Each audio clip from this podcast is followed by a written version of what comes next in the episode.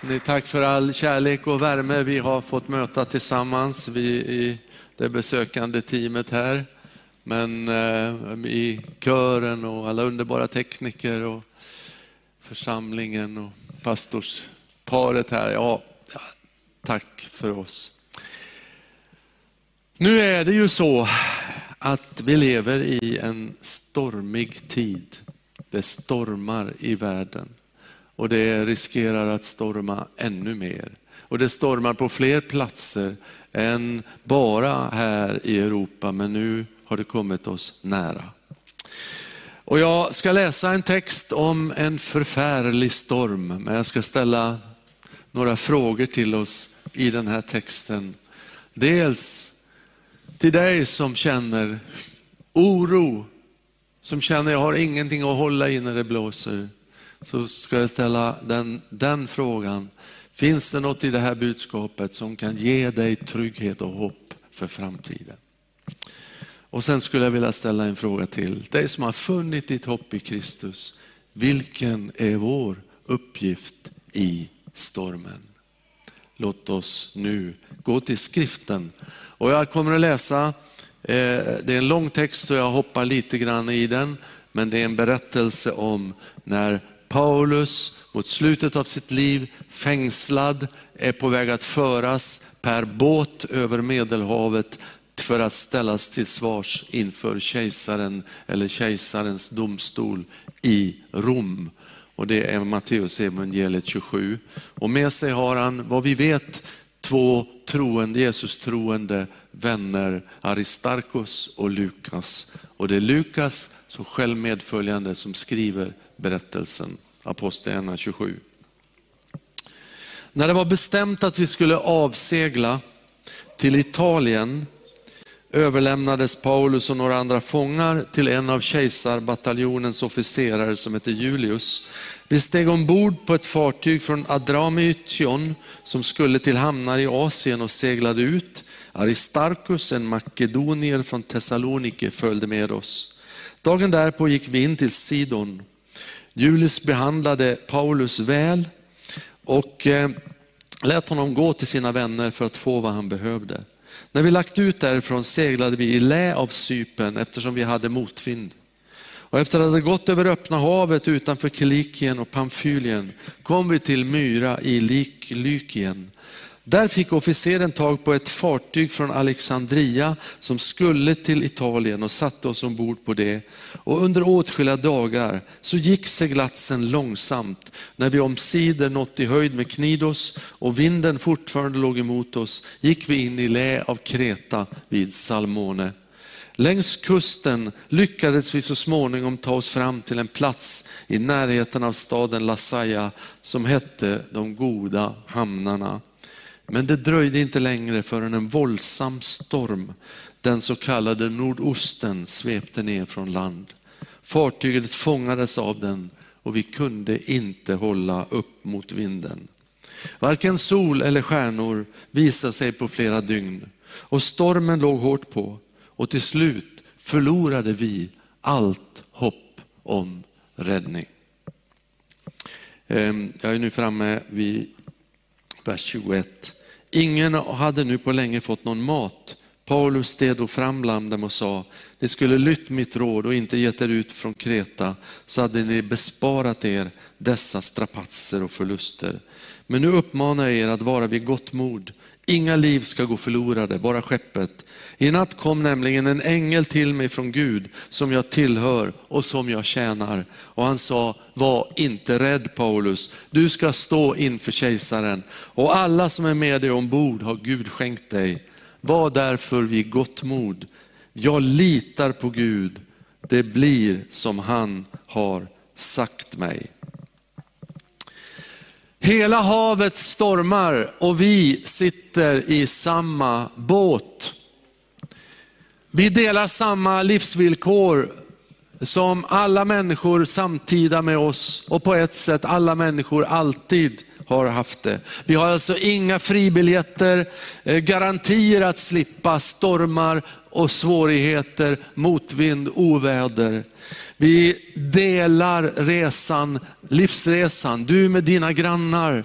Vi delar den med våra vänner. Vi delar den med varje världsmedborgare på den här planeten. Det är delar av vår ressträcka som är njutning, gott väder, kortare eller längre sträckor när vi känner det är fantastiskt att leva och vara på den här jorden. Och i vårt land kan vi säga i det stora hela så har lång tid av den sträckan varit av den karaktären. Men det kommer, har vi lärt oss, åtminstone om vi har levt ett tag, alltid motvind. Sträckor när det blåser mot, när det är tungt, när det inte går enkelt och självklart. Och det är ju lätt att tänka på en tid som pandemin som ligger bakom, som en tid utav ständig motvind. Eh, författaren Mikael Niemi eh, han har skrivit en underbar beskrivning av en gren av kyrkligheten som jag inte alls nu säger något illa om. Det är bara hans beskrivning av lästadianismen eh, som ju har namn om sig till det yttre att vara ganska regelstyrd. Han sa att det är som om någon hade pallat upp landskapet någonstans uppe i Korpilombolo och så ska man cykla åt det hållet. Det är uppför hela vägen. Och beskrivningen är så rolig så att jag ska, ja, vi hade skrattat ihjäl oss om vi hade läst den. Och det är onödigt. Men det är sant på många sätt att det är också alltid för alla oss människor långa eller kortare sträckor av motvind. Vi delar risker och möjligheter. Döden grinar oss alla i ansiktet för ingen har garantier och vi möter ju ständigt faror eh, eh, i alla sammanhang. I den här texten så står det en mening som är väldigt ödesmättad. Det står vi och det är Lukas som skriver. Och med vi så menar han en, två, tre troende plus 273 som inte vet vad de trodde på, om de trodde på något. Men han säger, vi förlorade allt hopp om räddning. Vi sitter i samma båt. Och Jag vill på en gång, för att inte vi ska drunkna i rädslor och fruktan, säga att det är också så att det finns ett underbart frälsningens vi i den här texten. Gud ville någonting annat, nämligen att alla skulle räddas. Men vi kan förlora hoppet allesammans. Och jag får vara ärlig och säga att det har hänt dagar när nyheterna har varit sådana för min egen del att det liksom har darrat till i mitt liv och jag undrar vad är det som håller på att hända? I den här uppberättelsen så är det alltså inte vi och dem Möjligen någon gång används begreppet vi för de tre troende. Men Lukas och Paulus och Aristarkus identifierar sig så med alla på båten. Så vi är vi och det gäller alla medresenärer. Det är ganska spännande och fantastiskt. Det var inte ett vi, vi som har fått den här lilla fånghytten längst ner där vi kan kura och ha våra sångmöten och bibelstudier och uppbygga oss själva och så struntar vi hur det går med båten. Det kallar man för sekterism. Det är inte heller så att man för att man nu hade detta vi så utplånades alla skillnader. Det gör ju inte det med ett saltkar för att du häller det i maten så förlorar du inte att det blir salt. Eller att du ställer ljuset ut, i, ehm, eh, ut på ljusstaken så förlorar det inte sin lyskraft. Utan de var ett vi i gemenskap, i ett ansvarstagande för alla. Men de hade med sig någonting i det viet. Och ska man göra det enkelt så säga, i det viet så hade de Jesus med sig. Det för andra så finns det ett syfte med att vi är i samma båt. Varför Gud inte ordnade en egen liten eh, minilyxkryssare för att ta de troende till Italien, det fanns ett syfte med dessa. Och jag har snuddat vid det redan. Paulus går från att vara längst ner i hierarkin, fång, en fång, fånge i en fångtransport.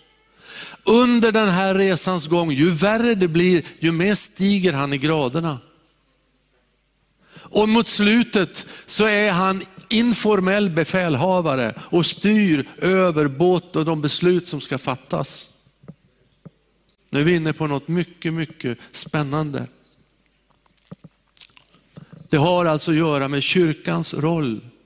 Det har att göra med, med oss som bär hoppet och tron i våra hjärtan, våra roll i vår samtid, i vårt sammanhang. Hur förvaltar de sitt uppdrag och, och det syftet? Ja, man ser att de bygger goda och fina relationer så länge det är möjligt. Så långt det är möjligt. Paulus får, det byggs ett förtroende mellan fången Paulus och befälhavaren, den romerske befälhavaren Julius. Det märks så småningom att man lyssnar till hans röst. Han har inte isolerat sig, han har inte gått till en massa eh, ovederhäftiga angrepp på sin om, omvärld, utan han har varit med och byggt förtroende på ett sätt som jag måste säga direkt skulle jag skulle vilja tillämpa på det som pågår här i förhållande till den här kommunen. Det förtroendebygge som gör att man i det här läget är ett gemensamt vi i hjälpinsatsen dit ner till till eh, Ukraina.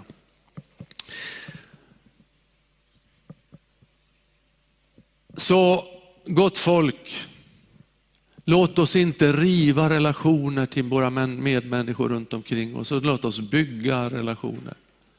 Det är inte din uppgift att i alla väder vara den som kritiserar och angriper och talar om alla fel och brister runt omkring dig. Var med och bygg relationer. Men när jag har sagt det så säger jag också att det här finns ändå ett ögonblick med en profetisk utmaning gentemot sin samtid. Vid ett givet tillfälle så säger Paulus, om ni fortsätter på den här resan, på den här riktningen, då går det tokigt. Och jag tror att där är balansen någonstans mellan eh, två ytterligheter. Och den, den ena ytterligheten den är ju den som alltid, alltid bara bygger relationer men aldrig vågar hålla en linje utifrån det som man upplever är sant, rättfärdigt. Och ska vi ge ett gott exempel från den här helgen så kan vi väl tala om eh, doktor Mukwege och den, och den kongolesiska kyrkan. Tänk om de bara skulle stått och gjort goda välgärningar och strykit överheten medhårs. Nej, det behövs en förändring. Det behövs en förändring. Och ibland behöver vi säga, här fanns det ett antal intressen som ville styra båten. Det var ägarintresset, de som ville tjäna pengar på båten. Det var det politiska intresset, de som ville styra och ställa, som representerade Rom. Där fanns majoritetsintresset, ni vet. Vi röstar om saken och ser vad vi ska ta för beslut. Men så finns det ett annat intresse som vinner. Det är Guds rikes intresse. Och Guds rikes intresse, huvudintresset, är knutet till varje människas frälsning och räddning. Det tycker jag är väldigt intressant. Det visar sig här att det är ett holistiskt intresse, alltså det tas med, det handlar om mat och, och, att, att, eh, och behov av, av, för hela människan. Men det som är själva syftet är att när människan räddas, när människan kommer rätt i relation till Gud, på något sätt så inkluderas då också vår kallelse för den så att säga, holistiska kallelsen för den här världens skull med allt vad det innebär. Och där tror jag det är också viktigt att vi inte i allt vårt, allt vårt engagemang när det gäller sociala frågor och så vidare, att vi inte glömmer att Gud vill att alla människor ska bli frälsta, räddade och komma till kunskap om sanningen. Där ligger, och de här sakerna de passar väldigt, väldigt bra ihop.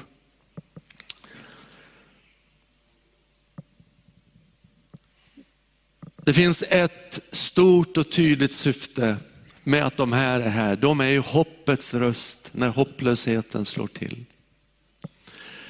Och Det är så att man kan få bli en hoppets röst fastän man själv bär på rädsla ibland och oro och fruktan.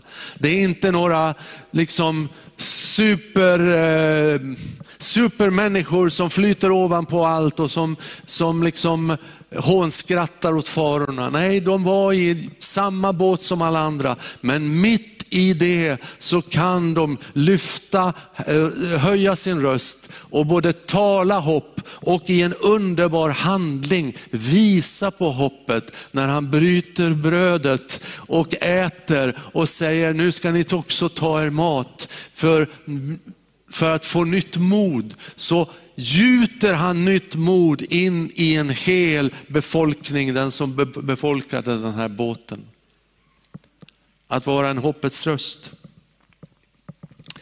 Ska jag ägna de sista minuterna åt en, kanske man kan tycka, en detaljfråga. Det är, ingen, det är inte en detaljfråga om man åker båt, särskilt inte om man seglar. Jag kommer från västkusten, jag vet inte hur ni har det med kunskaper kring segling. Jag själv kan inte segla, jag har en gammal snipa med en gammal dieselmotor och då klarar jag mig med nöd och näppe från grunden. Men att segla, jag har läst lite på, då är det vindarna som styr. Och i den här märkligt detaljrika texten så vet vi till och med hur vindarna blåser. När de ändras vindriktning, vilken typ av vind och vilka beslut som fattas utifrån det. Vi lever ju som sagt var i en tid när det blåser från olika håll. Vi har haft tider av medvind på ett sätt under lång tid. Vi har under de senare åren mött mer utav en motvind än vad vi kanske var beredda på. Men ser man genom hela kyrkans historia så får man nog konstatera att det har rätt gott om den här varan motvind. Men jag ska ge några ord om att bemästra motvind, medvind och storm. Och så sen så ska vi en stund söka Guds ansikte för våra liv och för vår samtid.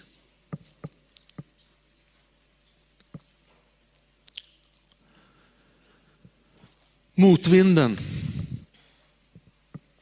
Det var fenicierna som lärde världen att segla och mycket riktigt så går den här resan eh, bland annat från Fenicien, eh, Eh, ja, från Sidon som ligger där på Medelhavets eh, kust nedanför Libanon, ungefär där. Därifrån gick den här seglatsen och den börjar i motvind. Den är i motvind hela vägen bort till Sypen och den är motvind efter det. Det är motigt, det går långsamt, det går tungt. Hela den här resan börjar i motvind. Jag tänker att Paulus, när han står där, de tillfällen han fick vara uppe på däck och titta in över den grekiska övärlden, så tänker han på den epok som ligger bakom, när han har missionerat i hela mindre Asien och den grekiska övärlden och Makedonien. Hur han har rest från plats till plats med evangeliet och hur han har varit med och fått se hur små celler av Guds rike har etablerats och börjat växa från plats till plats överallt där han har varit.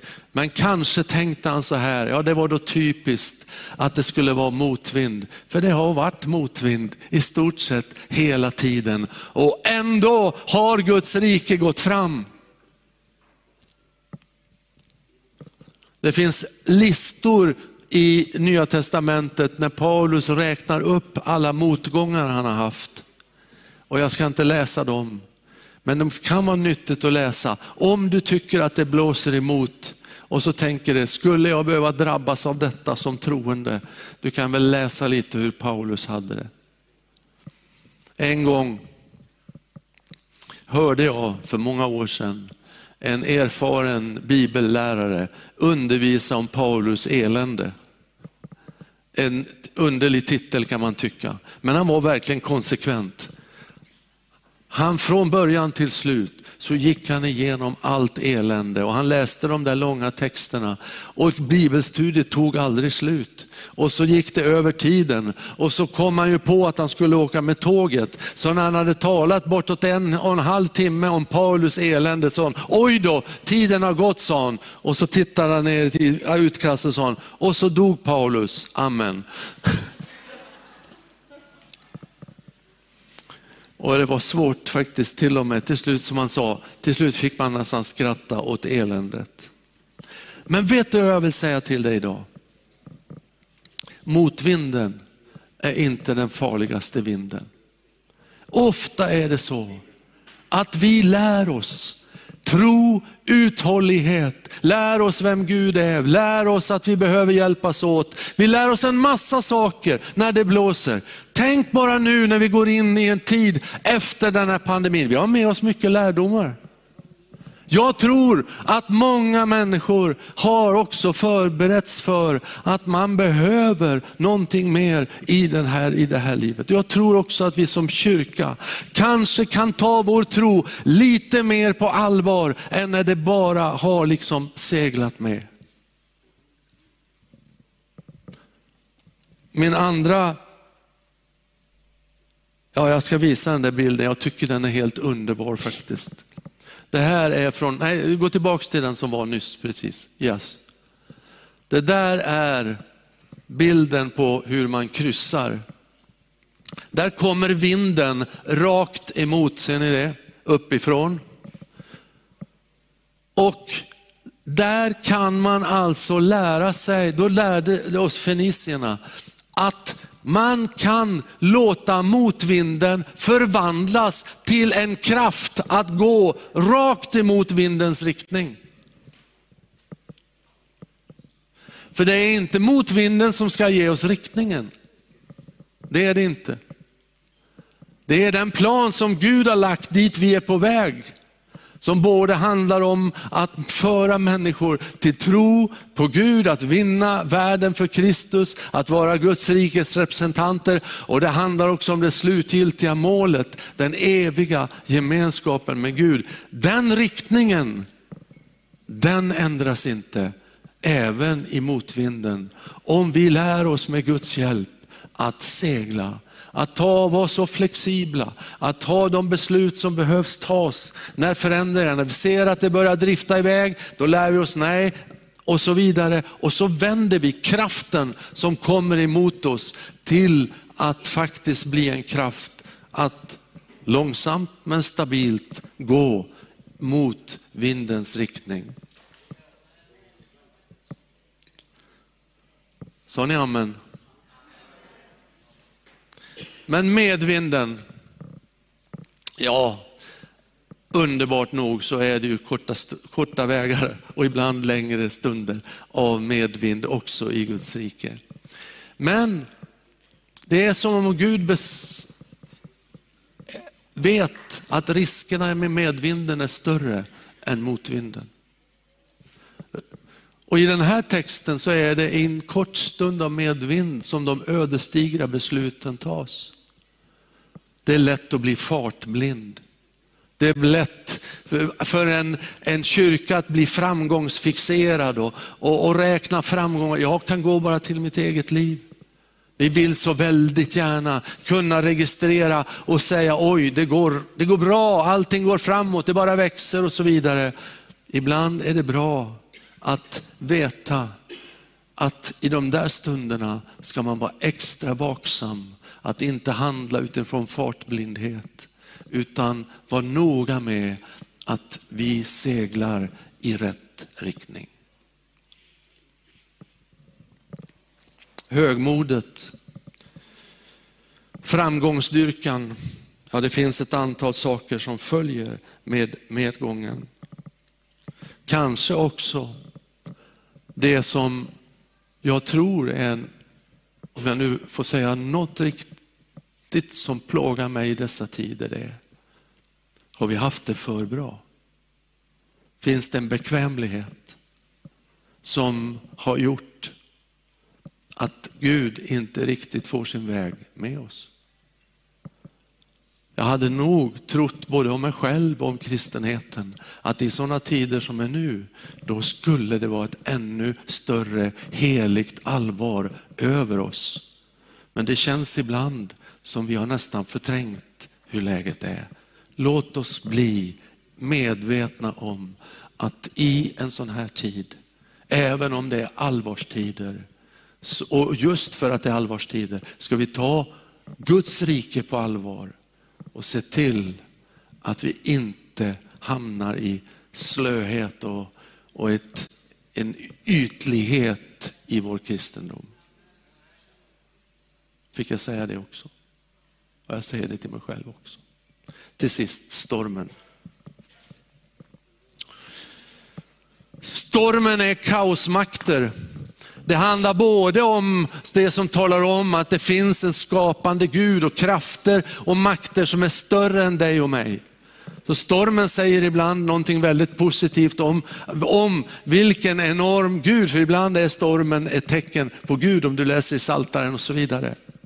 Men stormen står ju också ibland för när ondskan riktigt rasar. Det är också stormen i Bibeln. Det sammanfattande är när vi hamnar i en situation där vi vet att detta klarar vi inte av i egen kraft. Det finns ingen möjlighet, jag kan inte kryssa mig igenom det. Jag kan inte fatta några bra beslut som gör att vi besegrar stormen. Stormen, den var en enorm storm. Den så kallade nordosten kommer svepande in och det finns ingenting i världen som får dessa erfarna sjömän och, och duktiga ledare att klara av det i egen kraft.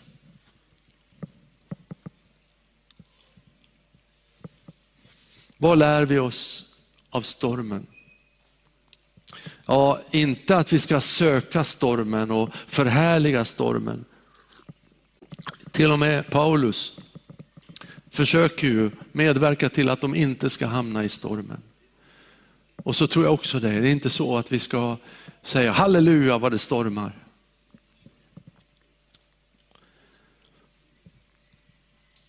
Ingen vettig människa på västkusten ger sig ut i en liten segelbåt när det stormar. Det gör man inte. Men stormen kan komma över oss, även om vi inte sökt den.